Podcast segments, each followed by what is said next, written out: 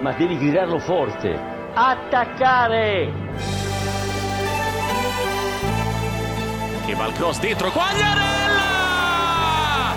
Mamma mia! Mamma mia! Dal subito ha tornato a giocatori Pirlo, la conclusione in rete! Andrea Pirlo! Un gol pazzesco! Boncarayan la decide lui, la decide il numero 21 con un diagonale impressionante!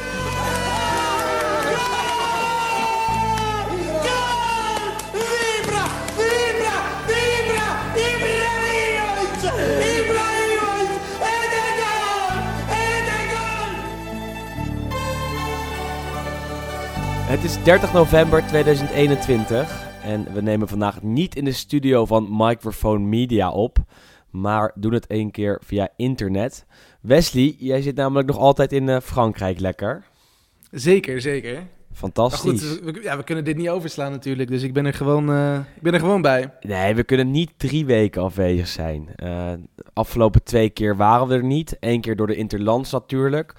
Vorige week was het eigenlijk eh, praktisch niet te doen. Toen zat jij ook al in Frankrijk, was ik in Italië.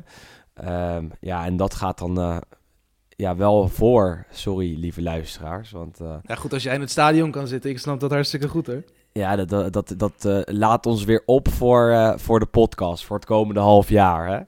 Ehm, het was fantastisch, Wes. Zo'n stadion, zo'n vol stadion. Dan zie je weer de eredivisie afgelopen weekend en dan denk je... oh, wat een verschil toch met de sfeer in San Siro bij, eh, bij twee van die potjes van Inter. Ja, dat geloof ik. Ik zat gisteren nog even te denken inderdaad van... Het waren natuurlijk ook best nog wel belangrijke wedstrijden waar je naartoe bent geweest. Eh, ja, de, twee bent- belangrijkste van het seizoen tot nu toe, Ja, nee, ik. precies. En jij bent ook wel eens die kant op gegaan en dat je dan terugkwam dat je zag van nou, het, wa- het was niet best, zowel sportief als eh, qua resultaat. Maar je hebt nu echt een goede, een goede week gehad eigenlijk, hè? Nee, ik ben een keer eh, naar Milaan gegaan en toen werden ze vervolgens met 3-0 afgedroogd door Milan. Eh, en dan zit je daar en dan heb je eigenlijk in de tachtigste minuut het gevoel, ja, ik wil hier eigenlijk weg. Terwijl je helemaal naar Italië bent gegaan voor zo'n wedstrijd. Eh, en- dat is wel treurigmakend. Maar dit was fantastisch. Ik bedoel, Inter-Napoli was een van de mooiere wedstrijden van dit seizoen, denk ik. Eh, had alles. Een slechte scheidsrechter voorop. Veel spektakel, veel kansen. mooie goals. en een overwinning voor Inter, wat voor mij natuurlijk hartstikke mooi was. Eh, en die woensdag ging ik naar Inter Shakhtar, ook met vrienden. Dus eh, nou ja, dat, eh, dat was hartstikke leuk en, en hartstikke lekker om daar aanwezig te zijn. En wat doe jij eigenlijk in Frankrijk, Wes? Ik werk gewoon vanuit hier lekker, lekker door. Dus ik ben, ik zit elke dag nog steeds lekker achter mijn laptopje voor Opta dingen te doen. En in de vrije uurtjes dan ja, toch een beetje op de hoogte blijven van alles. Ik heb afgelopen weekend gelukkig wel veel voetbal kunnen zien. Mhm. Ehm, dus ik, ja, ik vermaak me hier ook prima hoor. We zijn, eh, we zijn helemaal bij. Alle reden ook om vandaag eh, ja, de afgelopen twee weken even flink na te bespreken. Er is veel gebeurd. Eh, veel buiten het veld ook. Wat ja, toch wel wat rumoer heeft doen, doen spreken, doen gelden. Wat, wat spektakel in de kranten heeft laten gelden. Maar laten we beginnen bij het voetbalweekend, denk ik. Eh, wat afgelopen eh, zondagavond werd afgesloten met eh, een prachtige wedstrijd tussen Napoli en Lazio. Een wedstrijd die in het teken stond van Diego Armando Maradona natuurlijk. Vorige week was het een jaar geleden dat hij overleed. In Napels heeft men alle kansen aangegrepen om hem te eren hè, de afgelopen weken. Nee, maar echt alles. ja, dat hebben is natuurlijk- normaal. Nou ja, goed, het is, het is prachtig. Vorig jaar hebben we natuurlijk die hele grote die thema-uitzending gemaakt. Ehm, toen zagen we natuurlijk beelden van, nou, volgens mij praktisch ieder televisiestation op aarde was toen in Napels. Ehm, en, en ja, goed, toen zag je natuurlijk al hoe, hoe, hoe voetbalgek de stad was, maar ook hoe Maradona gek die stad was. Nou goed, binnen een week was natuurlijk het stadion vernoemd. Ehm, en eigenlijk sindsdien is het iets rustiger geweest. Tot nou, ongeveer een maand geleden, toen Napoli natuurlijk weer met die Maradona-shirts kwam. Ehm, die hebben toen drie edities daarvan gemaakt. Toen was er sprake van een standbeeld. Nou, dat is dus afgelopen weekend onthuld. Ehm, Een lichtshow voor de aftrap. ja, li- een lichtshow. Er komt nu de First Maradona Cup. Ik weet niet waarom ze de Engelse benaming willen gebruiken. Maar dat lijkt een soort vriendschappelijk toernooitje te worden. Tussen Napoli en de Argentijnse nationale ploeg. Dat wordt ergens in, eh, in mei 2022 afgewerkt waarschijnlijk. Dus het gaat inderdaad eh, het gaat lekker. Die man wordt niet vergeten. Die drie shirts, waarom zijn het er drie? ja. ik snap het Geld, echt hè? niet. Echt, echt afgrijzelijke dingen zijn het ook, vind ik. Met, met de opdruk van Maradona op, op de voorkant. Nu hebben ze hem ook in drie verschillende kleurenstellingen gemaakt. En ze zijn alle drie even lelijk. Maar goed, dat eh, dat heeft Napoli de afgelopen weken tentoongespreid. Telkens laten zien. Nu al negen shirts hè, dit seizoen dat ze aan hebben getrokken. Ja, ze begonnen natuurlijk met die, ja, zeg maar gewoon het thuis uit en, eh, en derde shirt. Dus dat is volgens mij blauw, wit en rood. Ehm, dat was dan eigenlijk gewoon hetgene voor de competitie. Ehm, toen kwamen ze opeens in Europa, kwamen ze dan met allemaal gouden elementen die ze daarop hadden geplakt. Dus dat zijn dan eigenlijk ook weer drie nieuwe, of twee Mhm. nieuwe. Want ze hebben toen niet in het wit gespeeld, geloof ik. Toen kwamen ze met een Halloween shirt. En nu dus die, deze drie Maradona-exemplaren. Ja, het is... ehm, Allemaal even lelijk. Ja, ik denk voor de verzamelaar is het tof. Ik denk voor de fan is het verschrikkelijk. Want als je ieder shirt zou willen hebben van dit seizoen... dan zit je dus op, nou, zeg tussen de 100 en 150 euro per shirt. Ja, Eh, als je alles officieel en, eh, en goed wil hebben... nou, dan heb je al een eurotje of duizend moeten aftikken, denk ik, dit jaar. daarom is, importeer ik eh, ze altijd uit Thailand, Wesley. Ja, precies, joh. groot, groot gelijk, groot gelijk. voor, voor, voor een fractie van dat bedrag. Want dan zijn ze bijna net zo mooi. En dan betaal ik niet eh, eh, 150 euro in de fanshop van Napoli. Die, eh, ligt het aan mij of lijkt het net alsof ze er toch een klein slaatje uit willen slaan... uit, uit eh, de helder verering van Maradona? Of is dat heel erg kort door de bocht? Nou, het zal niet de eerste intentie zijn, maar ik denk wel dat, ja goed, je weet gewoon hoe belangrijk zo'n figuur is. Dus dat, dat brengt automatisch natuurlijk wel ook financiële mogelijkheden met zich mee. En ik, ik, ik mag hopen dat het niet de, zeg maar de inzet is van, hé, hey, we gaan eens even geld verdienen, maar dat het meer gewoon een soort bijkomstigheid is. Alleen Ja. ik snap inderdaad goed wat jij zegt. Ik snap niet waarom er dan drie shirts moeten worden gemaakt. Dat is dan misschien een beetje overdreven, maar goed. Nee, maar goed. Ze maken nu sinds ja. dit seizoen maken ze een beetje hun eigen shirts natuurlijk ook. Hè? Dus misschien is het ook gewoon voor hen zelf heel makkelijk om ja, een soort van nieuwe tussen aanhalingstekens shirts te produceren. Dus goed, ja, waarom niet dan zou je zeggen? Nee, nee, zo is het. En, en dan spelen ze er toch in. En eh, alle spelers herkennen elkaar als spelers van Napoli. Dus wat dat betreft maakt het niet uit of ze in een groen, geel of paars shirt spelen. Het blijven spelers van, eh, van Napoli. Ehm, en de sfeer in, in het eh, Armando Maradona was ook fantastisch eh, zondag. Standbeeld werd natuurlijk onthuld vlak voor de aftrap. Er was een lichtshow. Ehm, de voorbeschouwing van Dazon begon ook al om eh, kwart voor acht. Veel langer dan normaal gesproken voor de wedstrijd. De wedstrijd begon om kwart voor negen. Om echt alles te kunnen laten zien. Er waren zoveel eerbetonen aan Maradona ook. E- Een daarvan was dat Luciano Spalletti ook in het shirt eh, van eh, Napoli stond. De trainer. Met het shirt met Maradona op de, op de voorkant. Eh, en dan begint de wedstrijd en dan blijft die sfeer toch fantastisch hangen in het stadion. En dat zie je toch direct terug in het spel van, van de spelers zelf, van Napoli zelf. Want binnen 10 minuten stond het 2-0 hè, voor de Partenopij. Ja, je kon niet zeggen dat ze slecht begonnen inderdaad. ja. Nee, ja, het is. Het, het, is eh, ja, je zou eigenlijk verwachten, want we hebben natuurlijk wel langer gezegd al, een paar weken terug ook, dat natuurlijk bij Napoli wel een beetje een kwestie was van hoe lang ze dit vol kunnen houden. En zeker als ze natuurlijk straks met wat blessures te maken krijgen, als ze te maken krijgen met die Afrika Cup, dat ze een paar spelers moeten missen. Mhm. Maar eigenlijk was natuurlijk deze wedstrijd, wat natuurlijk ook gewoon een redelijke topper was tegen Lazio, wel een beetje een soort van, ehm, ja, Generale voorbeeld daar- repetitie. Ja, een soort generale, generale repetitie inderdaad. Dat is goed. Koulibaly, eh Afrikaan, die speelde wel in de basis. Maar Anguissa, Ozyman, toch wel de twee betere spelers dit seizoen bij, eh, bij Napoli. Absoluut. Ehm, ja, waren er niet. Dus je had eigenlijk misschien kunnen denken van... nou goed, vanavond generale repetitie. We zullen eens zien hoe het gaat. Maar niet al te veel vertrouwen misschien. Maar eigenlijk vanaf het allereerste moment... ehm, klapten ze er gewoon vol op. En binnen 10 minuten stond het 2-0. En Dries Mertens was weer in eh legendarische doen. Ehm, ja, Wie het, was echt, dit het was echt fantastisch. Want die goal van Zielinski wordt met, met zulke overtuiging ingeschoten met zijn, met zijn linkerbeen. Hij is ook wel eh, tweebenig, maar hoe hard hij hem door het net heen jaagt, als het ware, was prachtig. Even later krijgt Mertens dan die bal. En dan, dan merk je aan hem toch, ondanks alle sfeer om hem heen, ondanks alle eh, fanatieke Napolitanen op de tribunes, ondanks het belang van deze wedstrijd toch wel, hè? Nadat ze op donderdag hadden verloren van Spartak Moskou in de Europa League en de zondag ervoor van Inter, eh, merk je toch bij Mertens die totale rust in de afronding. En dat vind ik zo ontzettend knap, want hij kapt nog even wat Lazio-mannetjes uit en hij legt hem in het hoekje, tekent voor de 2-0 in de tiende minuut. En op dat moment is de wedstrijd eigenlijk al voorbij. Want je merkt aan Lazio dat ze niet meer terug kunnen komen. Dat, daar hebben ze sowieso wel een handje van dit seizoen. Dat als ze slecht starten aan een wedstrijd, ze er vervolgens ook helemaal niks van bakken. En Napoli aan de andere kant ging maar door. En eh, na een half uur eh, kan Mertens dan ook voor de, voor de 3-0 tekenen met, met weer zo'n prachtige goal. Het een soort biljart, eh, biljartstoot als het ware. Loopt echt tegen die bal aan. en nou ja, ik, ik, ik, heb zelf ook gevoetbald. En, en dit probeerde ik dan ook altijd vroeger om hem mooi in het verre hoekje te leggen.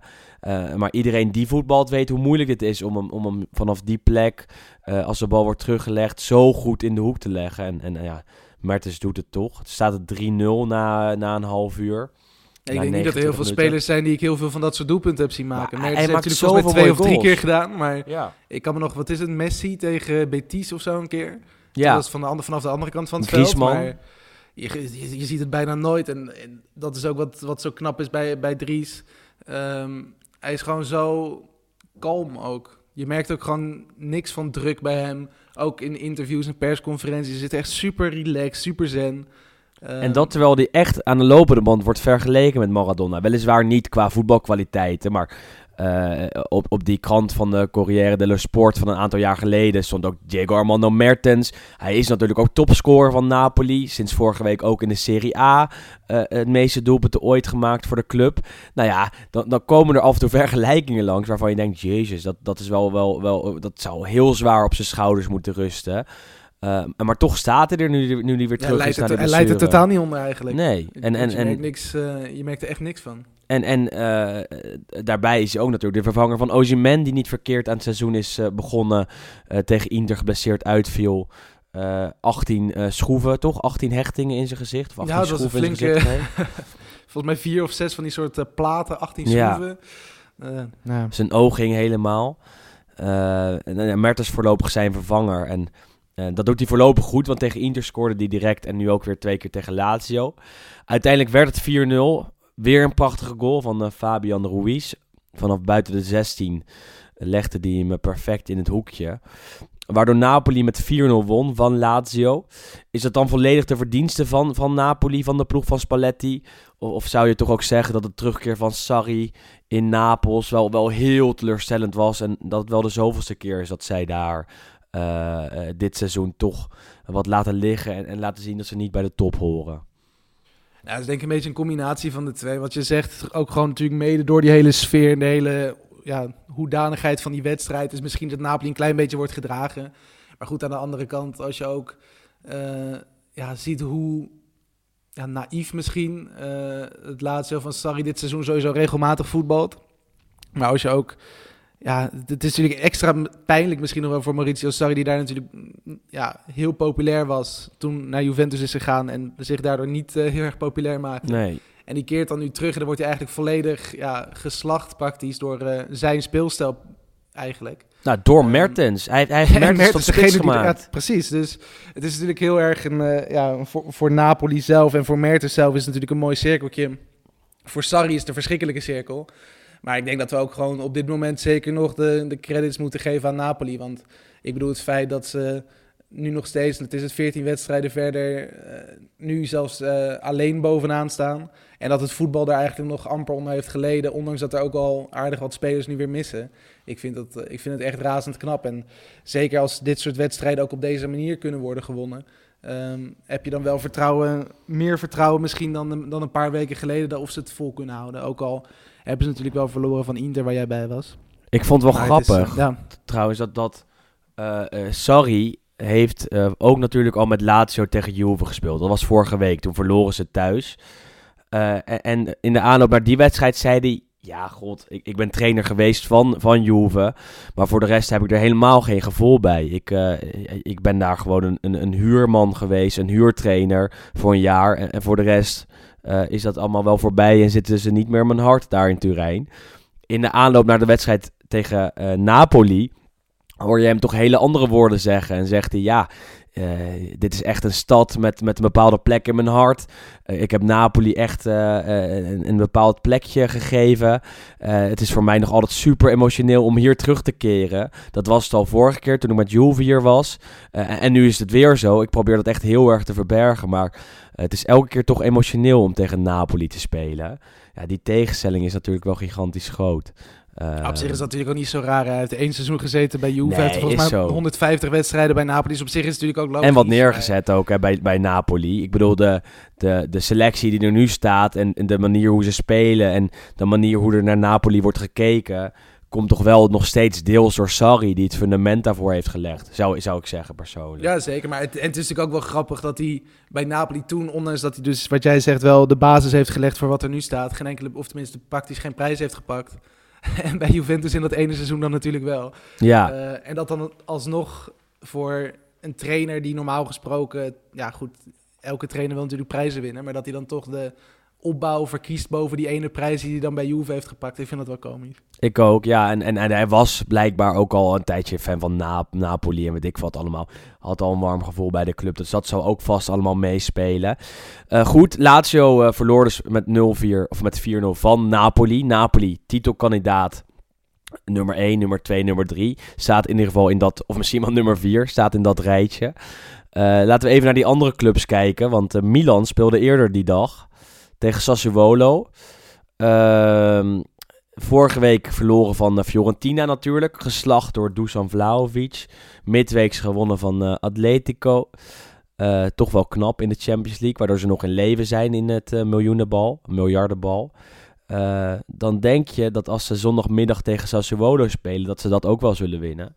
Was niet het geval, want ja, door wie werden ze nou opgelegd, eh, Wes? Door Scamacca, door Berardi, misschien wel door Raspadori, door Fratesi. Wie, wie was nou de grote man aan de kant van Sassuolo bij die 1-3 ik, zou, overwinning? ik, ik zou bijna zeggen Romagnoli. nou ja, het was een soort combinatie van heel veel dingen. Want Romagnoli, die, eh, in ieder geval eerst maakte hij de 1-0 na 20 minuten. Ehm, maar goed, ja, we hebben het hier ook heel vaak over gehad. Natuurlijk Sassuolo tegen de Milanese ploegen. Ehm, en dan vooral Berardi, die scoort natuurlijk graag. Ehm, ja, goed, op een gegeven moment, wat is het? eh, een paar minuten volgens mij na die openingstreffer krijgt Scamacca op het, nou, praktisch op het middenveld de bal. Die legt hem klaar. En vanaf 30 meter roste die bal echt perfecte kruising in. Maar gewoon niet, niet eens zeg maar hard in de zin van gewoon die bal een, een rothengst geven. Maar je ziet echt gewoon nog dat er techniek achter dat schot zit. En dat vind ik dan veel mooier eigenlijk nog. Hij, hij, hij raakt hem vol op het ventiel, leek het wel. Ja, nee, hij, hij, legt hem echt letterlijk gewoon in de kruising. Alsof Ja. hij zegt van nou goed, daar moet hij heen. Leg hem daar maar neer.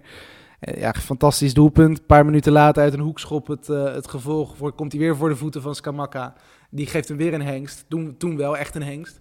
Ehm, die ging uiteindelijk dan volgens mij via Simon Kjær ging die, eh, ging die binnen Mhm. 1-2. En dan denk je toch, ja, weet je, Sassuolo, natuurlijk een hele goede, ehm, nou goed, stabiel niet, maar wel een goede ploeg qua, qua talenten en qua, Ja. qua spel regelmatig. Maar ja, je houdt toch een beetje je, je hart vast, omdat je ook weet hoe eh, ja, goed Milan dit seizoen ook is geweest. Dus je denkt van, nou goed, in die tweede helft zou het me niet verbazen als Milan dan toch nog terugkomt. En dan, ja, Berardi. en daar gaat Romagnoli volledig, eh, volledig nat natuurlijk. Die draait hem inderdaad. Ja, ja, je had een mooie vergelijking volgens mij gemaakt met... eh ja, Boateng was het en van. Boateng? Ja. Hij werd gewoon echt ja, kapot gedraaid door Berardi. Die schiet hem binnen 1-3. Maar was dat nou Maar- zo'n verrassende kapbeweging? Dat, dat toch eigenlijk helemaal niet. Nee, het valt toch mee. Want hij kapt hem in de 16 uit. En het is... Ja, kijk, ik ben geen centrale verdediger. eh, ik zou Romagnoli ook niet willen verbeteren. Maar het is echt niet zo'n gigantisch verrassende kapbeweging van Berardi bij die goal. En toch valt Romagnoli om. Nou, dat, dat, dat, dat vind ik echt verbazingwekkend. Dan ben je echt niet de verdediger die, die Milan waard is, eerlijk gezegd. Ja, goed, Berardi is natuurlijk wel links. Dus Ja, misschien, dat hij, misschien, misschien dat hij dacht... Tenminste, dat Romagnoli dacht dat Berardi hem gewoon met links in de verre hoek zou draaien. En toen kapte hij natuurlijk nog naar rechts. Dus misschien dat dat het dan is. Maar goed, ja, het, was, het zag niet best uit in ieder geval. En tien minuten later wordt de vrouw wordt weggestuurd. En Romagnoli die denkt van, nou, ik leg hem gewoon volledig neer. Rode kaart, ja. En dan, dan weet je wel dat het klaar is. En dat is natuurlijk ook zeker voor die ploegen bovenin is dat mooi. Want nou, zeker voor Inter natuurlijk. Want Ja. die stonden natuurlijk, wat was het, nou, twee weken terug hadden die, als die niet zouden winnen van Napoli, geloof ik, hadden ze de kans om op 10 punten achterstand te Absoluut, staan, volgens ja. mij. Intussen staan ze één punt achter op Milan en nog maar vier op Napoli. Dus eh, het komt ook daar weer wat, eh, wat dichter bij elkaar. En dat is alleen maar mooi, denk ik. Maar nog even bij Milan blijvend. Ehm, is dit dan het moment waarop zij het lastig gaan krijgen? Het moment waarop Ibra misschien niet alles meer kan spelen, Giroud geblesseerd is, wat, wat andere namen er ook niet altijd meer bij zijn of, of, niet even goed. Eh, Tonali, nu, nu misschien een klein dipje en, en laten we het niet te erg maken. Ehm, en zodra Tomori ontbreekt, ja, dan moet Romagnoli of Gabbia spelen.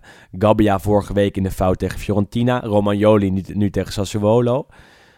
Is dit dan het moment waarop Milan eh, echt gaat worden getest en, en we echt gaan zien of zij een titelkandidaat eh, zijn en, en die Scudetto kunnen pakken? Ja, ik denk het uiteindelijk wel. Je moet natuurlijk ook tegen de iets kleinere ploegen, misschien moet je dat, eh, moet je dat voor elkaar krijgen.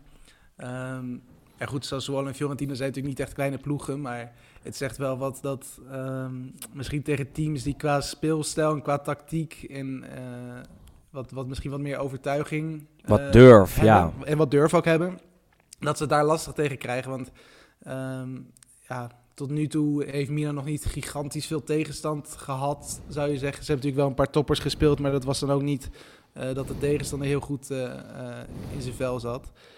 Dus ja, het zou best kunnen dat er inderdaad wat... Wel ja, interessant. ja, wat, wat ruis op de lijn zit, eh, zeg maar. Nee, precies. En, en dat gaan we ook eh, midweeks natuurlijk zien wanneer ze weer in actie komen. En op bezoek gaan bij het Genoa van Shevchenko. Nou, mooi weer zien. Ook twee clubs die elkaar niet fantastisch liggen. Dus wat dat betreft eh, wel een wedstrijdje met, met wat lading erop. Nog even bij Sassuolo blijvend.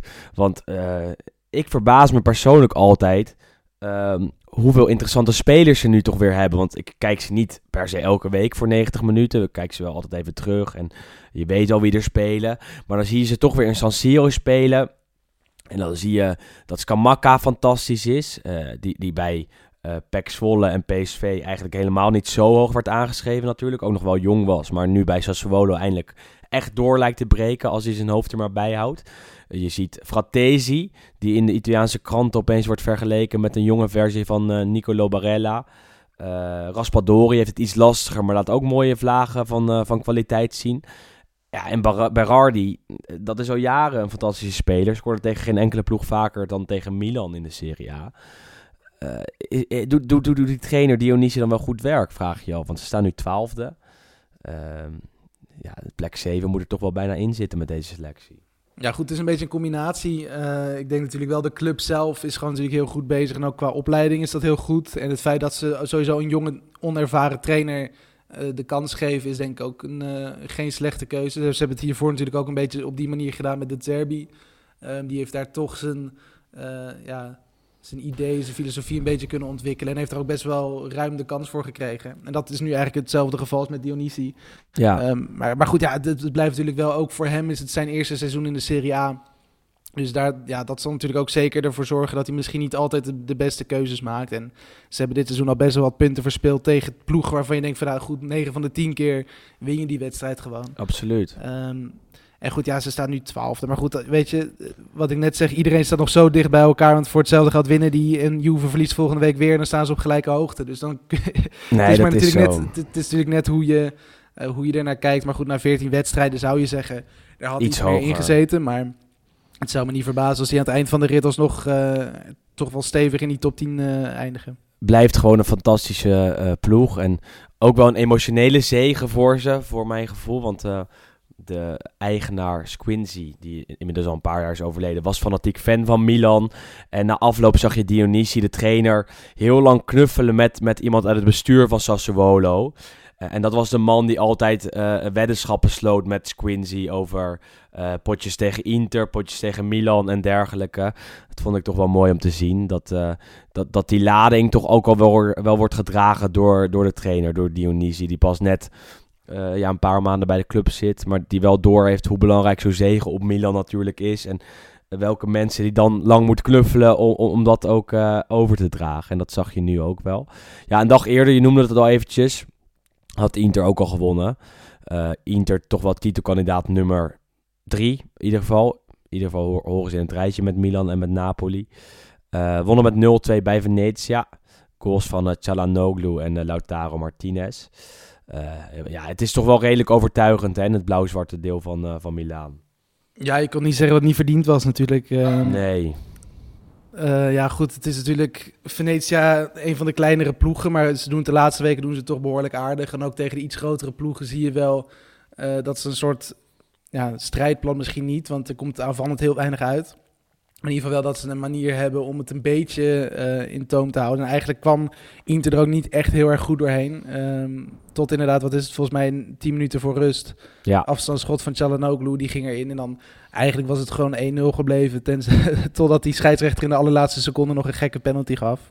Ja, goed, uiteindelijk, uiteindelijk, goed, uiteindelijk maakt dat het verschil nu niet. Maar ik denk dat ook wel, als we Dionisi bij, ehm, bij Sassuolo een veer in de, in de reet steken, zeg maar, denk ik ook dat je, dat je Paolo Zanetti, de trainer van Venetië, wel wat, eh, wat credits mag geven. Die natuurlijk ook een hele, maar echt een bizar onervaren ploeg heeft op Serie A-niveau. Mhm. Ehm, Maar, die maar, toch ja. de laatste tijd wel redelijk realistisch voetbal speelt in ieder geval.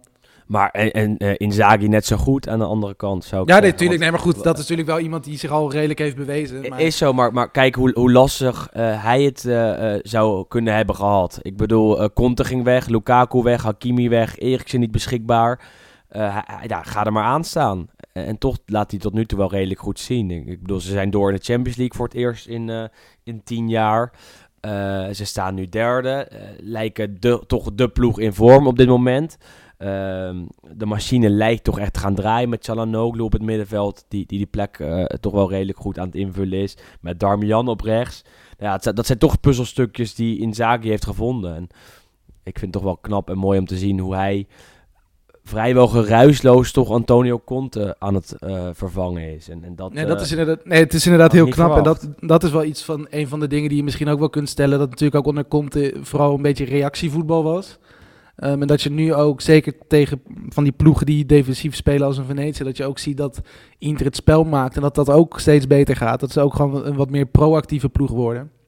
Ehm, en daarbij, en dat is misschien dat jij dat beter kan inschatten, maar ik heb ook gewoon heel erg het gevoel, zeg maar binnen die club, ehm, of in ieder geval binnen de, de selectie, dat ze ook een beetje willen laten zien dat ze het ook kunnen zonder Absoluut, een Hakimi, ook kunnen ook zonder een. Lukaku. Ja. En dat, dat is natuurlijk ook heel goed dat je ook een soort van die ehm, ja, inherente motivatie hebt. En dat, dat, dat Eh, merk dat je echt aan alles. En, en, en dat merk je ook dat ze doorgaan in de Champions League. Het moet ook. En dan merk je ook dat ze meedoen eh, om die titels, hè, voorlopig eventjes. En dat moet ook.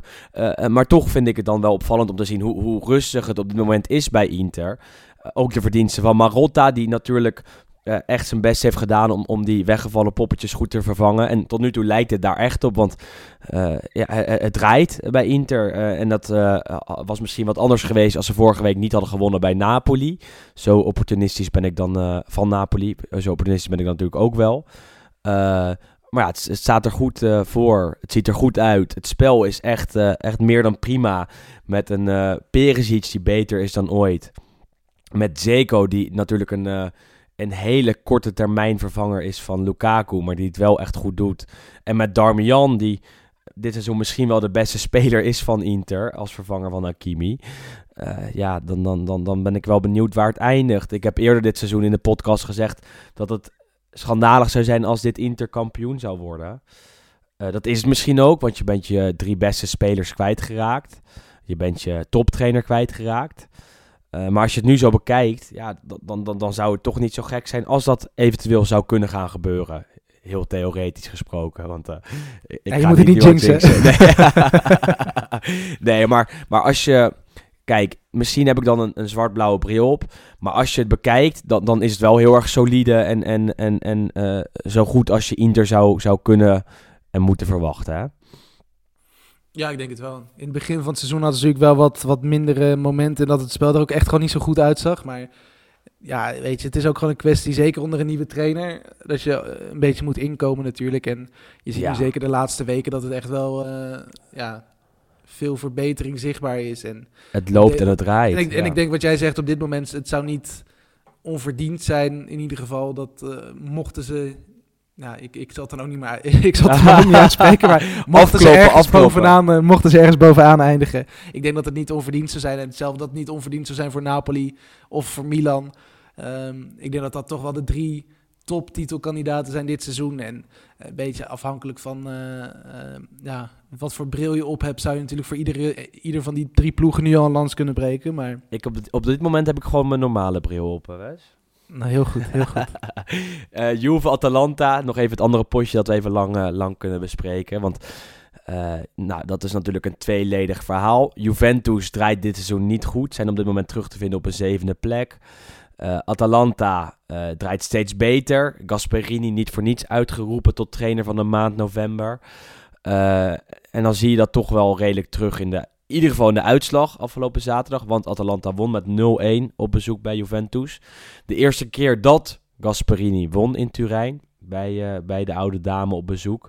Gasperini zelf ook met een eh, verleden bij Juve. Dus was voor hem wel redelijk emotioneel.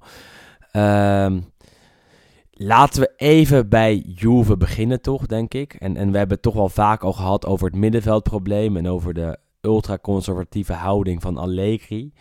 Maar zie jij het licht aan het eind van de tunnel nog? Dat is wel belangrijk. nee, eigenlijk niet. Nee, op, dit, op dit moment niet. En, ehm, ja, ik zat ook die wedstrijd te kijken. En het was op zich niet eens heel veel slechter dan Atalanta over de 90 minuten. In de eerste helft werden ze wel volledig afgebluft. Maar hetgene wat mij ja, het meest ehm, ja, laten Stoort. zeggen, v- stoort, verwondert. Gewoon dat er totaal geen eh, idee lijkt. En dat is natuurlijk al iets wat we nou, misschien al... We zijn 14 wedstrijden onderweg, dus misschien al 14 wedstrijden zeggen. Dat gewoon de volledige tactiek blijkbaar van Allegri is gewoon geef de bal aan Dybala of aan Quadrado en, en hoop dat er iets gebeurt. Want ja, we zijn nu bijna drie, vier maanden verder en er is eigenlijk nog niet heel veel eh, ja, verbetering zichtbaar. En ja, het is, dit is maar gewoon echt alles gaat fout ook. Want de tegen, je verliest uiteindelijk met 1-0. Niet per se door een fout van, eh, van de verdediging. Ik denk goed, ja, de licht die heft er buiten spel op. Maar het is meer omdat er in de voorhoede wordt er weer een bal verloren. Maar gewoon alles, er is geen reactie. Er is geen, spelers kunnen ook gewoon niet eens meer een, een paas geven. Ik verbaas me zo erg, Wes. Het is Nee, maar je, zo je, ziet, apathisch. je, ziet, je ziet eigenlijk alleen maar de. Ja, er zijn drie spelers waar je dan nog wel, of nou, misschien vier, waar je ook nog wel echt aan de bal ziet van nou, die kunnen wel iets meer dan de gemiddelde voetballer. Dat zijn Dybala, Chiesa, Locatelli en dan Quadrado, de licht, wie je daar wil.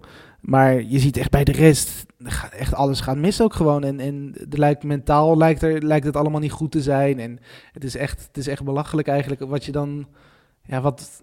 He- heel eerlijk. Je, weet, je weet gewoon niet wat er misgaat Ah, eigenlijk. Zou, zou Pirlo al zijn ontslagen als hij vorig seizoen zo was gestart? Ja, absoluut. Ja, maar natuurlijk, maar dat is natuurlijk Gaat er een moment beetje- komen dat Allegri wordt ontslagen? Ik denk, ja, ik, ik denk persoonlijk van niet. Ehm, Ik ook niet, vanwege nee. het feit dat hij natuurlijk heeft echt een lang contract, volgens mij tot 24 of 25, of in ieder geval met een optie. Ah, eh, nog een Ehm, keer, even de vraag die erop volgt. Is Allegri dan de juiste man om, om ze tot 2024, 2025 te gaan leiden? Nou goed, kijk, het, het, je had natuurlijk een mooie breakdown gemaakt van wat jij denkt dat de, het, het probleem is dit seizoen. Natuurlijk grotendeels de selectie en dan toch ook wel een kwart eh Allegri. Ja. Ehm, maar ja, i- het is gewoon een hele lastige situatie ook, denk ik. Want Allegri is een goede trainer, dat weet iedereen. Ehm, alleen je kunt ook maar net zo goed werken met de spelers die je tot je beschikking hebt. En Maar is Allegri anno 2021 nog een goede trainer? dat kun je afvragen. Hij, heeft natuurlijk, hij, heeft, hij is er drie jaar tussenuit geweest. Dat zal niemand goed doen, denk ik.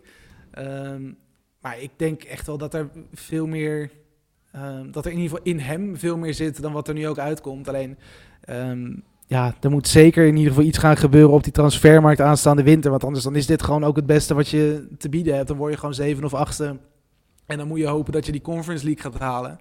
Ehm, Is Vlaovic dan de oplossing? Want, want dat, Ja, is, goed, niet, dat is de- niet de enige oplossing. De oplossing zou toch een middenvelder moeten zijn, zou ik, zou ik heel erg zeggen. Nou goed, je hebt natuurlijk, het is een beetje tweeledig. Ik denk dat de verdediging op zich prima is, al is dat niet fantastisch. Eh, het middenveld, daar moet gewoon een paar spelers moeten gewoon weg. Ramsey heb je echt helemaal niks aan. Rabiot heb je helemaal niks aan.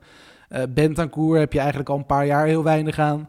Eh, dus die moeten eigenlijk weg en die moeten gewoon vervangen worden door simpelweg een speler die gewoon een paas kan geven over vijf meter. Dan, dan ben ik al tevreden.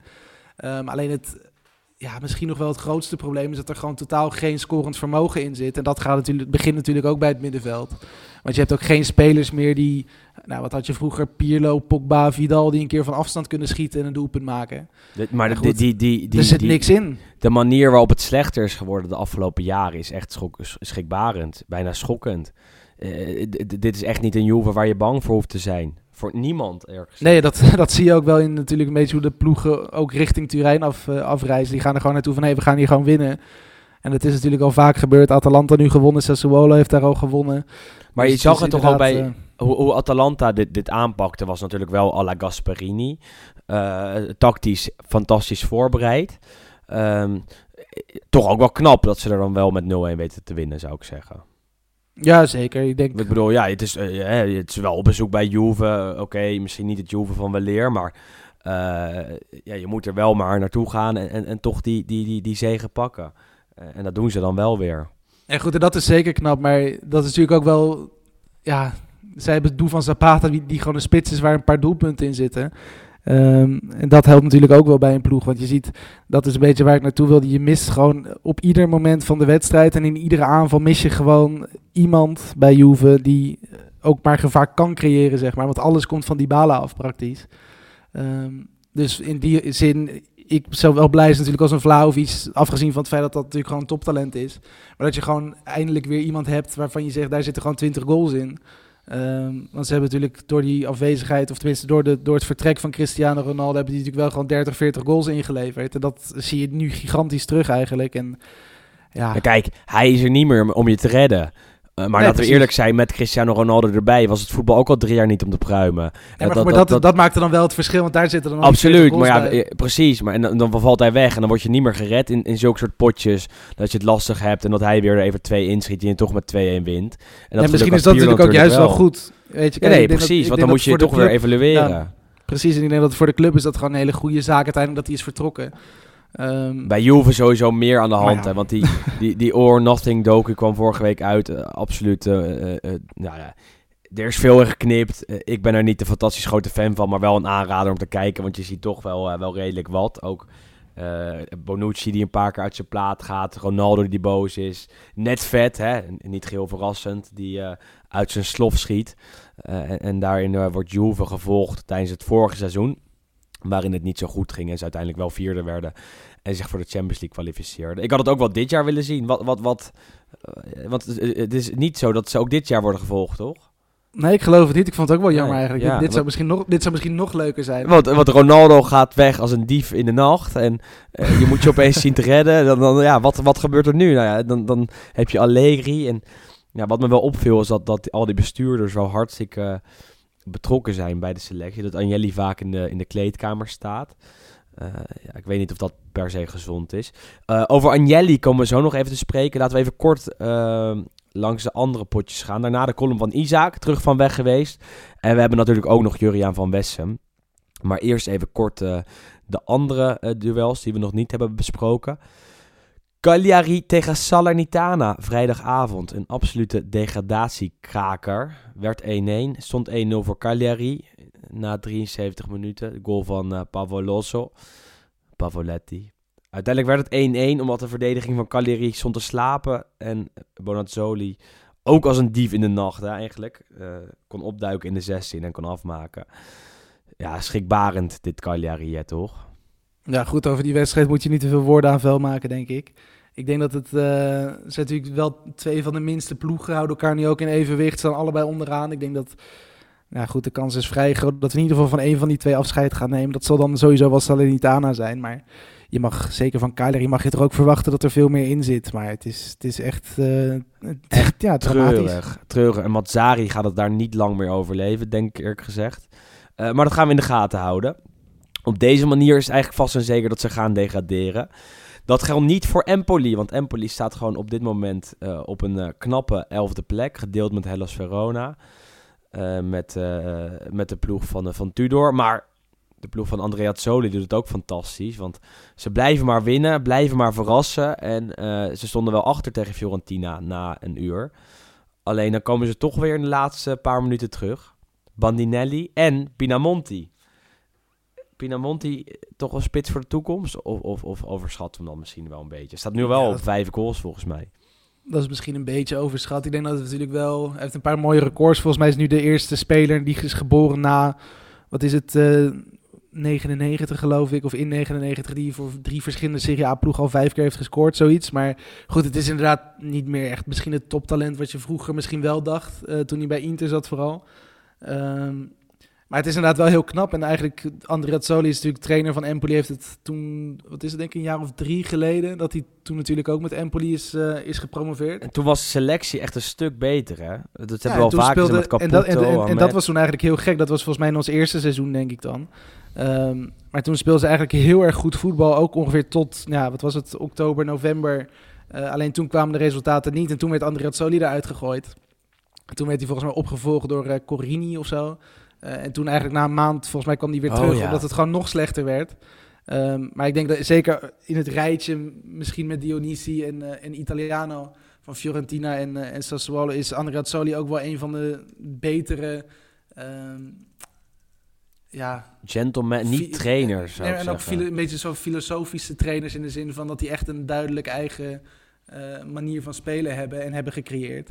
Corini Eh, was van Brescia. Dat was, was Boekie die hem had opgevolgd. Nou, nou kun je nagaan. Ja, dat, zegt al genoeg. Ja, precies. Dat zegt al genoeg. Nee, maar goed, het is heel knap. En uiteindelijk nu ook de derby tegen Fiorentina. Dat is natuurlijk een mooie Toscaanse wedstrijd.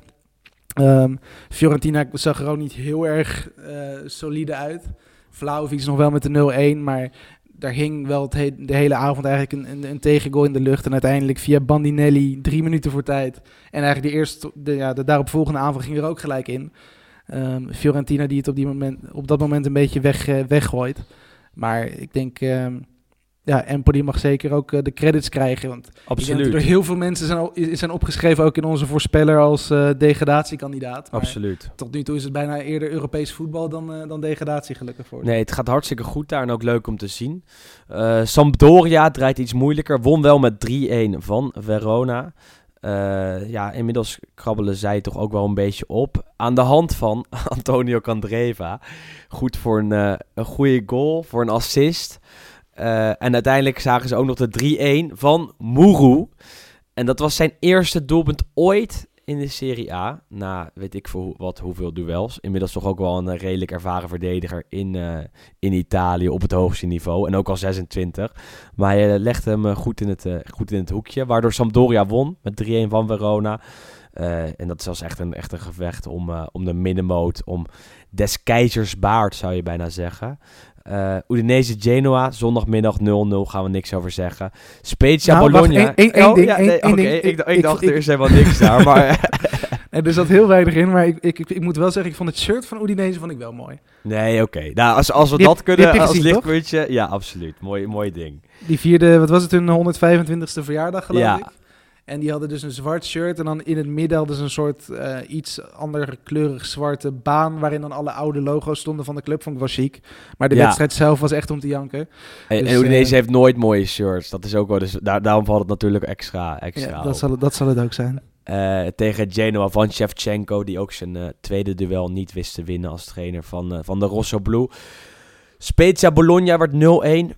Een penalty van eh, Marco Arnautovic, die toch ook wel aan het scoren is geraakt in Italië. Zes eh, doelpunten inmiddels. Nou, hij gaat toch wel in de dubbele cijfers komen. Best aardig. Mihailovic, de trainer van Bologna, had daar gezegd dat zijn selectie eh, lopend naar huis had gemoeten als ze daar niet, niet hadden gewonnen. Nou, dat is best een endje. Het aantal kilometers weet ik niet uit mijn hoofd. Maar ze wonnen. Dus mochten ze gewoon met de bus, de bus weer terug naar het, naar Dal Ara in Bologna.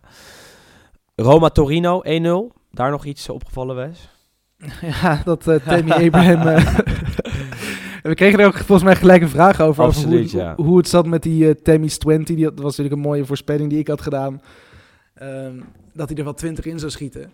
Ehm, de eerste paar wedstrijden was ik daar nog steeds van overtuigd. Toen begon hij opeens heel veel te missen en, en, en paal en lat heel vaak te raken. Ehm, nu is het volgens mij pas de vierde, dus wat dat betreft kun je niet zeggen dat het heel erg soepel loopt. Maar goed, je ziet nog wel steeds dat hij, ehm, ja, er gebeurt wel wat als hij de bal heeft. En het is niet altijd even goed, maar die, of hij die 20 gaat halen, ik hou mijn hart een beetje vast. Maar ik ben in ieder geval blij dat hij deze erin schiet, want dan staat hij in ieder geval op 4. En Roma blijft toch ook wel, ja, ondanks dat het misschien zelfs nog wel wisselvalliger is dan een paar ploegen die, eh, die eronder staan, eh, ja, toch wel redelijk bovenin meedraaien. Maar ja, het is. eh, Ze nog bungelen niet- er nog, hè? Ze bungelen Ja, maar maar- drie nee, maar- punten achter Atalanta. Nee, natuurlijk. En dat, dat, dat, dat is best wel knap. 25 punten staan er dus vier boven Lazio, vier boven Juve, vier boven Fiorentina. Ehm, ja, nou, het is niet, het nee, is niet slecht, maar het is niet goed. En het is vooral qua spel vind ik het... eh, eh, ja, Mourinho-esque. ja, maar het is ook wel knap hoe snel hij dat dan weer voor elkaar krijgt eigenlijk. Ja, ja, ja. Het is een beetje, het is een beetje, ja, ik weet niet wat het is, maar eh, hij probeert ook wel een aantal dingen die wel interessant zijn, maar die dan net niet lukken, zoals met, met eh, Zaniolo als, als, als tweede spits. Nou, even in de gaten houden. Volgende week natuurlijk eh, een mooi potje op het programma. Juriaan heeft daar zo met deze column over. Maar we gaan eerst even naar Isaac van Achelen. Die vanuit Italië er gewoon weer bij is deze week. Ja, en ons even op onze plek zet.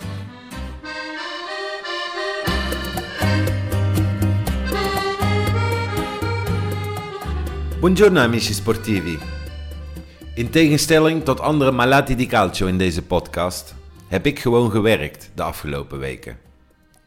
Maar een maandagochtend op kantoor met een hoop voetbalfans maakt heel veel goed, kan ik jullie verzekeren. Lekker ouwe hoeren over voetbal en altijd wel een verrassing.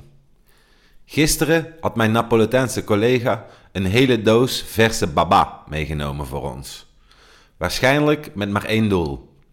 Er werden namelijk rechtstreeks vier van die lekkere dolci bij mijn collega Laziale gebracht. Di nuovo per te, amico Laziale, come ieri sera, quattro babà. En vervolgens ging het de rest van de dag zo ongeveer over de te veranderen tactiek van Sarri en zijn Lazio. En zo kom ik de dagen prima door op kantoor. Maar gelukkig is de vakantie van mijn amici Willem en Wesley weer voorbij. Vanochtend om 6 uur heb ik de krantjes weer opgehaald. Oh, olandese, ma che sei andato in ferie? Sì, magari. Quegli altri due in Olanda sì. Io produco. Want Willem heeft zich uitgeleefd in Milaan. En hij heeft dit keer geen ongeluk gebracht aan Inter. En voor zover ik heb begrepen, was Wesley op retraite. En waarschijnlijk dacht hij dan terug te komen en zijn Juve wat hoger op de ranglijst terug te vinden. Maar veel verandering is er niet. En vanavond om kwart voor negen staat de wedstrijd tegen Salernitana op het programma. Daar wordt echter weinig over geschreven in de kranten. Ik zie alleen tutto su. La Juve punta sul talento dell'attaccante per risolvere il problema del gol. En dat moet hij samen gaan doen met Kulusevski. Het tot K2, oftewel K2, omgedoopte koppel. En Allegri sprak reeds over uscire dalla tempesta. En Keane moet dus het doelpuntenprobleem oplossen. Er is echter een nieuw probleem aan het licht gekomen: de plusvalenza. En de aandelen van Juve zijn reeds gedaald. Tutto Sport, La Gazzetta dello Sport en de Corriere dello Sport hebben er allemaal de voorpagina aan gewijd. Juve sotto pressione, kopt de Gazzetta. La Juve sotto schiaffo staat op de voorpagina van de Corriere. En Aria di Stangata kopt Tutto Sport. Maar Agnelli heeft tegen de medewerkers gezegd om tranquilli te blijven. De rechters zijn ervan overtuigd om de zaak binnen een maand te sluiten. Het zal hier de komende periode nog vaak over gaan. We wachten af. Ik ga weer naar kantoor, hard werken en ondertussen lekker over voetbal babbelen. Alla prossima.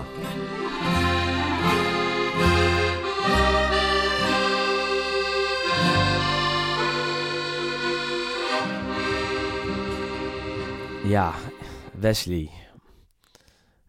Juventus, hè? Het is toch wel Ja. Juventus. Dat altijd Ja. weer toch in, in, het, in het nieuws komt. nee, eh, laten we het even goed uitleggen wat er aan de hand is. Want dat is denk ik in Nederland nog niet heel veel gedaan. Eh, want Juventus wordt onderzocht door de Italiaanse autoriteiten. Eh, en waarom is dat? Nou goed, we hebben natuurlijk regelmatig hier ook wel gehad over sowieso hoe transfermarkten en hoe de transferwereld in Italië een beetje werkt. Ehm, die werken daar dus met, eh, of tenminste veel clubs werken daar met plusvalenze. Ehm dat houdt eigenlijk in dat als jij een speler koopt eh, voor 100 miljoen, die geven een contract van 5 jaar, kun je ieder jaar, mag je dan dus 20 jaar, 100 gedeeld door 5, eh, mag je de 20 miljoen euro soort van aflossen. Dus ieder, na ieder jaar, na ieder seizoen staat hij dan voor 20 miljoen minder op de, ja, op de lijst. Ehm, en als je hem dan in de tussentijd verkoopt, dus stel, nou, een speler van 100 miljoen verkoop je in zijn derde seizoen, dan zou hij eigenlijk nog maar 60 miljoen op de balans wegen. En je verkoopt die voor 80 miljoen, dan maak je 20 miljoen winst, want 80 min 60 is 20. En dat heet dan de plusvalent. Dus je maakt zeg maar een soort van winst op de meerwaarde eh, die zo'n speler op dat moment nog heeft. Foefje is Ehm, het. En het is eigenlijk gewoon een foefje. En op zich, dat is ook gewoon allemaal legaal. Want dat is gewoon simpelweg hoe de, eh, hoe iets werkt. Ehm, Ja, alleen het probleem dat is is... zo, in ja, dit, alleen. Nee, maar goed, dat is gewoon legaal. En iedere ploeg zo, ter wereld doet dat. ja. Dat is gewoon een speler verkopen. Ja, goed, dat, dat is gewoon een speler verkopen. Nu komt het illegale deel. nu komt het... illegaal wil ik ook niet zeggen. Nee, minder legaal. het, het verdachte deel in ieder geval. Ehm, en dat is dat door het feit dat transferwaardes natuurlijk een vrij subjectieve bedoeling zijn. Ik bedoel, iedereen kan zeggen ho- 100 miljoen Cristiano Ronaldo, maar voor hetzelfde geld is die man nog maar 50 miljoen waard. Ze kunnen ook Eh, zeggen Wesley Mak en, en, en eh, Willem Haak, eh 200 miljoen euro waard. Nou, leg maar neer. Nee, maar goed, maar niemand, niemand kijk, het is natuurlijk, dat is een beetje het probleem van de voetballerij in, in zijn algeheel. Dat, het is natuurlijk ook maar net een beetje wat de gek ervoor geeft. Als Vlaovic eh, in zijn eerste 10 wedstrijden 20 keer scoort en, en Fiorentina zegt nou 220 miljoen en iemand legt dat neer. Ja, wie kan dan bepalen dat dat niet eerlijk is, zeg maar, snap je? Dus dat is een beetje de, het, het probleem met transferwaardes in het algemeen. En Juventus is een van de ploegen die daar gebruik van maakt door spelers dus eh, toch wel vrij constant te over te waarderen. Om dus op die manier ook de balans op orde te krijgen. Ehm, en dat Op gebeurt grote schaal. op grote schaal inderdaad. Want er zijn nu, het onderzoek loopt volgens mij sinds, of tenminste, het, het- er wordt teruggegaan tot 2018-19. Eh, in die periode heeft Juve 42 transferhandelingen gedaan. Dus volgens mij zijn het 21 spelers. ehm, die voor 282 miljoen zo'n soort positieve invloed hebben gehad dus op die balans van Juventus. Ehm, en daar zitten natuurlijk wel een paar, ja, eh, toch wel een flink aantal tussen waarvan je denkt van nou dat is wel vrij, vrij heftig. Onder andere eh, Cancelo Danilo, die, die swap deal met Manchester City. Ehm Pjanic, Arthur, die we natuurlijk ook kennen, Bar- Barcelona vorig jaar. Maar eigenlijk een van de grotere problemen is misschien het overwaarderen van jeugdspelers. Ehm, dat er inderdaad een speler die misschien 17 minuten heeft gespeeld in het eerste voor 10 of 15 miljoen naar Genoa gaat. Ehm, en op die manier dus eh, dat, ja, dat, dat die balans van Juve op orde kan worden gebracht. Gebeurt dat aan de lopende iets- band al in Ja, Italië. precies. Dat is inderdaad niet iets wat Juve alleen doet. Want er zijn heel veel ploegen die dat doen. Maar het probleem is in dit geval vooral dat Juve het op gigantische schaal doet. Eh, ja. En dat Juve beursgenoteerd is. Ja. Ehm, wat dus heel erg... ehm, ja, tenminste, het brengt andere regeltjes met zich mee. Ofwel, je moet ehm, eigenlijk gewoon heel erg transparant zijn... omdat je dus aandeelhouders hebt. Zijn ze en niet dat- geweest. En dat is dus inderdaad het probleem wat nu dus wordt onderzocht. eh, en wat dus best wel eens gevolgen kan hebben. En hoe zwaar die gevolgen zijn, dat, dat, dat- ja, dat is een beetje afhankelijk van het onderzoek zelf. Maar het is inderdaad wel eh, een, een flinke donkere wolk die dan ook nog eens boven Juve hangt. Omdat het Maar ook sportief natuurlijk kijk, niet goed gaat. Niemand weet hoe, hoe, hoe zwaar die gevolgen kunnen zijn. Eh, wel is het feit dat het waarschijnlijk ook naar de sportrechter zal gaan. Eh, wat er dan gebeurt is heel moeilijk om te zeggen. Want zij kunnen ook niet bepalen hoeveel een speler waard was op een bepaald moment. Dus, dus het is wel interessant om te gaan, te gaan kijken hoe eh, groot deze gevolgen kunnen zijn. Want ook bij andere teams zijn jeugdspelers overgewaardeerd. Een jaar geleden werden Chievo en eh, Cesena werden nog onderzocht. En toen kregen ze allebei minpunten. Of in ieder geval Chievo destijds. Dus dat zou ook nog kunnen gebeuren.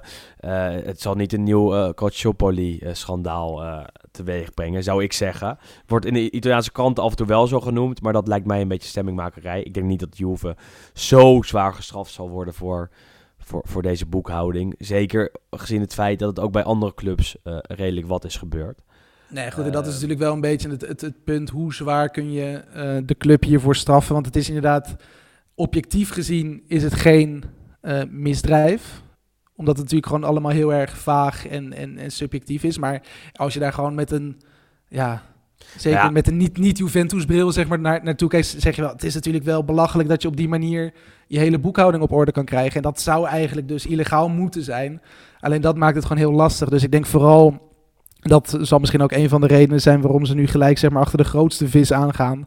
Ehm, dat ze misschien proberen om een soort precedent te scheppen. Nou ja, eh, maar die het Eh. natuurlijk ook op, op de grootste schaal heeft gedaan. Dus in die Ja, zin is het absoluut. logisch dat ze achter Tuurlijk. Juve gaan. Als het een andere club was geweest die het voor 300 miljoen had, had, had gedaan. Ja, dat, dat zijn er weinig in Italië die dat kunnen. Eh, dan waren ze daar misschien achteraan gegaan. Nee, absoluut. Het is, ook, het is ook meer dan logisch dat ze achter Juve aangaan. Maar ik, ik, ik denk dat ze dit vooral gebruiken als een soort precedent ook om te zorgen dat eh, dit een beetje wordt teruggedrongen. En, En nieuwe regelgeving eh, Ja, precies, aan, te, ja. aan te En dat is kunnen, ook nodig. te kunnen passen. Of een nieuwe regelgeving te kunnen doorvoeren en, en alles wat er nu is te kunnen aanpassen. Want dit gebeurt dus echt al jaren en we hebben er al vaker over gesproken. Dat, dat sommige spelers gewoon worden overgewaardeerd en dat je niet begrijpt dat er voor een bepaalde jeugdspeler ineens 10 à 12 miljoen wordt betaald. Die vervolgens nooit meer speelt. En, en hetzelfde geldt voor de transfer rondom Ozyman. Waar Napoli natuurlijk heel veel geld voor heeft eh, neergelegd. Uh, maar ook wat spelers naar Lille heeft laten overgaan. En die, die spelers werden vervolgens gelijk weer terug verhuurd. En uh, hebben we nooit meer wat van gehoord. Dus ja, wel interessant. Ook wel ingewikkeld om even goed uit te leggen. Wat minder ingewikkeld is, voor zover wij dat, dat weten. Wat vooral op kennis berust. En op, een, op onze oude Italiaanse voetbalencyclopedie, daadwerkelijk. Maar dan in de vorm van een mens. Is de column van Juriaan van Wessem. Die kijkt even naar de wedstrijd tussen Inter en Roma van aankomend weekend. En dat is uh, altijd prachtig om uh, te horen. Juriaan, Abel Mashilga.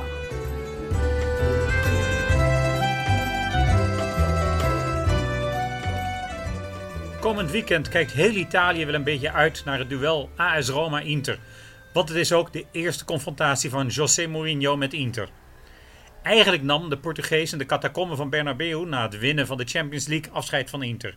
Het was een dramatisch moment waarbij zijn omhelzing met cultheld Marco Materazzi als het einde mag worden gezien van een voor Inter onvergetelijk tijdperk. Onder Mourinho won Inter de triplete en dankzij Rafa Benitez een half jaar later ook de wereldtitel. Maar daar hoor je Interisti zelden over. Maar diezelfde Interisti prevelen bij het opstaan nog wel eens die vreemde naam van een IJslandse vulkaan, waardoor de Champions League kon worden gewonnen. Het zou echt raar zijn als ze die naam hadden vergeten, want die vulkaan was misschien nog wel belangrijker dan de onvergetelijke victorie op Chelsea. Maar Roma-Inter blijft voor mij vooral ook de UEFA Cup finale van 30 jaar geleden. Toen zette Giovanni Trapattoni de kroon op een mooi tijdperk bij Inter, waarbij de Scudetto van het Inter Day record vaak als hoogtepunt wordt gezien. Maar deze internationale hoofdprijs was er voor Inter zeker ook een. Een jaar na de finale van de Mondiale Novanta stond deze finale in het teken van de Duitse wereldkampioenen. Maar liefst vijf van hen stonden op het veld. Thomas Bertolt en Rudi Vuller namens AS Roma en Andy Bremen, Lothar Matthäus en Jurgen Klinsmann namens Inter. De Duitsers hadden, een jaar na de eenwording van hun land, zeker een groot aandeel in de opmars van beide clubs. Vuller was geweldig op een avond in Brussel bij Anderlecht. Zelfs Aten Mos is die demonstratie nooit vergeten. En Klinsmann was de aanjager van Inter. En Matthäus had in de eerste van de twee finales de score geopend. Nicola Berti zorgde voor nog een doelpunt. En zodoende reisde Inter met een voorsprong aan 2-0 af naar de eeuwige stad. Er was sprake van een geweldige atmosfeer in Rome. Want zeven jaar na de verloren Europa Cup finale hoopte de club nu eindelijk op een mooie hoofdprijs. 30 jaar na de eerste Europese trofee. Het was een zwoele avond in mei, maar Inter sloot de weg naar het doel goed af en toen de hoop al een beetje was vervlogen, zorgde Rizzitelli voor een 1-0. Er waren nog 10 minuten te spelen om tenminste een verlenging uit het vuur te slepen voor de Romeinen, maar Walter Zenga hield in die slotfase zijn doel schoon. Inter pakte na 26 jaar weer in zijn Europese beker. En na afloop kondigde Trapattoni in de catacombe van het Olympico zijn afscheid aan. Het waren vijf mooie jaren en ik ben trots wat ik hier heb bereikt. Maar de club wil iets anders en Juventus heeft me gevraagd om terug te keren en dat verzoek kan ik niet weigeren. Het verschil tussen Trapattoni en Mourinho mogen duidelijk zijn.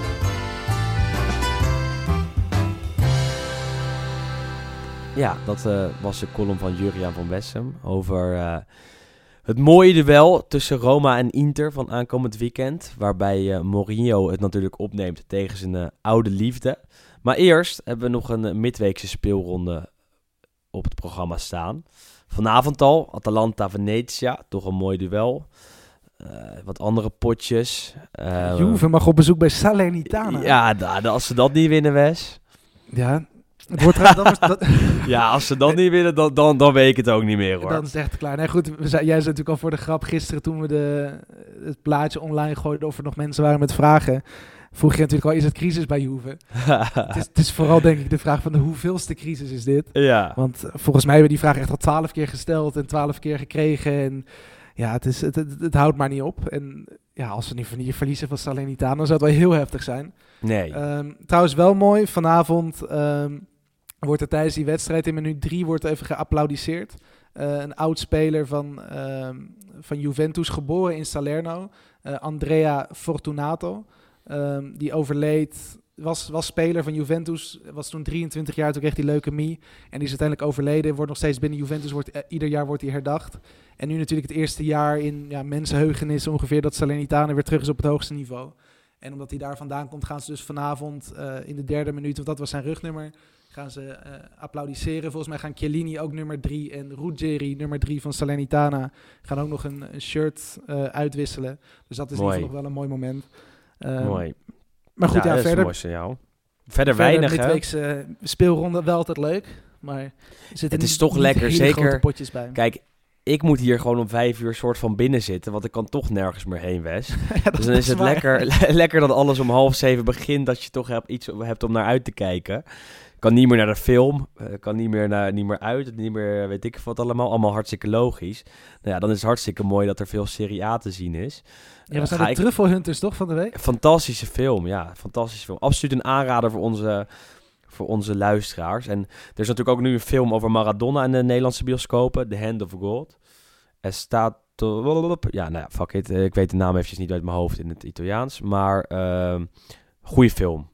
Goeie film. Schijnt het te zijn. De trailer zag er erg, eh, erg goed uit. Dus daar ga ik denk ik ook wel heen. Dus dat zijn nog twee kijktips voor onze eh, luisteraars. Ehm Genoa-Milan morgen ook nog dus wel een heet gemaakt potje. Sassuolo-Napoli, interessant, want Sassuolo toch tot nu toe de reuzendoder dit seizoen. Eh, gewonnen bij Milan, gewonnen bij Juve. Nou, laat het nu maar thuis zien tegen Napoli dan. En donderdag hebben we ook nog Lazio, Udinese en Torino-Empoli. Dus je hoeft je niet te vervelen. En, en als je dan eh, gewoon smiddags, als je niet hoeft te werken, eh, naar de bioscoop gaat, s'avonds Serie A gaat kijken, nou, dan, eh, dan heb je gewoon een hartstikke mooie dag. Ook in de tijd dat het coronavirus weer rondwaart in, in Nederland. En aankomend weekend, of in, en in België natuurlijk net zo goed, want we hebben ook veel Belgische luisteraars tegenwoordig. Aankomend weekend dan Milan Salernitana, Roma Inter en Napoli Atalanta. Nou ja, dat is op zaterdag allemaal, dus dan moet je er ook maar voor gaan zitten. Wes, we hebben, we hebben veel eh, mooie dingen voor de boeg. Ehm een van die dingen zijn de luisteraarsvragen natuurlijk nog.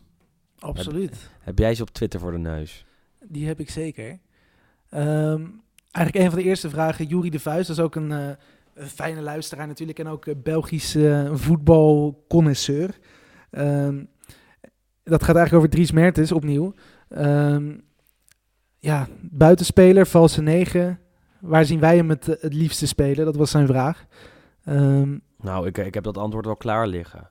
Hij heeft, hij, ja, hij heeft zijn beste seizoenen toch als valse negen gehad. Eh, eh, en, en nog steeds. Ik bedoel, eh, we hadden het er eerder over hoe hij toch alles afmaakt. En hoe hij die rust voor het doel tegenwoordig heeft. En die kan combineren met zijn techniek.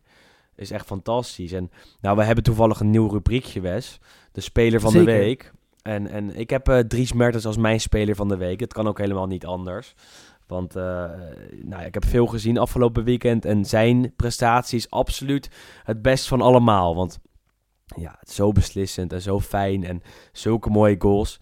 Eh, nou ja, de luisteraars mogen gaan stemmen op Instagram. Kunnen aan mijn kant kiezen voor Dries Mertens. Maar bij jou op iemand anders, toch? bij mij op eh, Gianluca Scamacca. Ook een beetje omdat jij Dries Mertens hebt gejat. Het spijt Ehm, me. Volgende week mag jij eerst kiezen. Dankjewel, dankjewel. Nee, maar goed, het is natuurlijk... eh, ik, ik, ik ben wel fan van, van Scamacca en ook gewoon sowieso fan van ehm, een beetje spelers met een draadje los. Ehm, en ik denk ook zeker dat je een- goede spits moet vaak moet niet helemaal ehm, ja, ijzig kalm zijn. Het is denk ik juist heel goed als daar ook een beetje een, eh, ja, wat ik zeg, een steekje los zit. Je ziet natuurlijk bij Zlatan Ibrahimovic, die natuurlijk heel erg eh, ja, interessant tussen aanstekens karakter heeft. Eh Haaland heeft natuurlijk ook iets speciaals over zich hangen. Ehm, ja, ik vind, ik vind dat mooi. En, en Skamaka is natuurlijk ook een, een licht ontvlambaar type. Het zit natuurlijk ook een beetje in, zijn in de mannelijke lijn van zijn familie. Maar het is, ehm, het is hem in ieder geval gegund dat hij dit seizoen echt wel stappen maakt. En ik denk zeker dat met het oog ook op het feit dat... ehm, zeker bij de nationale ploeg, het ook nog eens ontbreekt aan doelpunten, denk ik echt wel dat hij de kans gaat krijgen daar ook op een gegeven moment. En ik denk zeker dat hij de potentie heeft om wel echt bij een grote club ook ja, 20, 25 doelpuntjes per seizoen te maken. En dit Als zijn hoofd er maar wel Ja, precies. En dat is natuurlijk wel het, eh, het- de keerzijde sowieso van als je er een beetje een, eh, een steekje los zit. Maar ik denk wel dat hij ehm, ja, een heel groot talent is. En ik heb in ieder geval nu deze week speler van de week, omdat hij ook het, misschien toch wel het doelpunt van de week heeft gemaakt. Dus ik hoop dat ik daar nog wat eh, stemmen mee kan vangen. Maar eh, we zullen ja, zien. who knows, who knows. Nog even een vraag van Instagram. Gaat Onana nou naar Inter? Want het is nog steeds niet rond. Maar goed, hij zegt zelf volgens mij ook van niet, toch? Hij had in, ehm, wat was het, gespeeld tegen, tegen Besiktas afgelopen woensdag? Ja, Dinsdag, woensdag. Woensdag. Ehm, en toen na afloop gaf hij volgens mij bij de camera's van ESPN aan dat hij nog niet mondeling rond was met Inter, terwijl iedereen dat wel, eh, wel riep. Ehm, nou goed, ik denk sowieso dat het, het boek Ajax is gesloten. En ik denk dat Inter natuurlijk een van de Europese ploegen is die van een bepaald niveau zijn en die eigenlijk een keeper zoeken. Mede natuurlijk door de leeftijd van Handanovic. Ehm, dus ja, ik, ik, ik denk dat het sowieso wel rond gaat komen. Maar ik, aan de andere kant, Onana, ik denk ook niet dat het heel ehm, chic is om tijdens, of tenminste tien minuten nadat je hebt, een soort van je rentree hebt gemaakt namens Ajax, om dan al te praten over de volgende club. Dus ik denk ook dat er gewoon waarschijnlijk tegen hem is gezegd van, hé hey André, eh, zeg er nog even niks over, maar dat... eh, ja, nou, in de Italiaanse media eh, wordt het echt als, als een transfer die, genoemd die echt al rond is. Alleen waar je nog voor moet tekenen. Dus eh, zeker iets om in de gaten te houden ook. Eh, nog één vraag van Twitter. Of eh, zijn ze op al? Nou goed, alles ging over Juve natuurlijk. Ja, dat hebben we al, al goed behandeld. Ja, goed, eigenlijk het enige ding nog, of hoe groot inderdaad de kans en hoe realistisch die kans is dat ze opnieuw zouden worden teruggezet naar de Serie B. Maar goed, ik denk dat we dat wel natuurlijk redelijk hebben beantwoord al, dat die, dat die kans natuurlijk vrij klein is, ondanks dat er natuurlijk altijd partijen en mensen en fans en clubs zijn die dat misschien wel hopen en, en, en daar ehm, ja, een beetje op, op inzetten. Maar ook gewoon het, het feit dat jij natuurlijk zegt, er zijn veel meer ploegen die zich hier tussen aanstekens schuldig aan hebben gemaakt.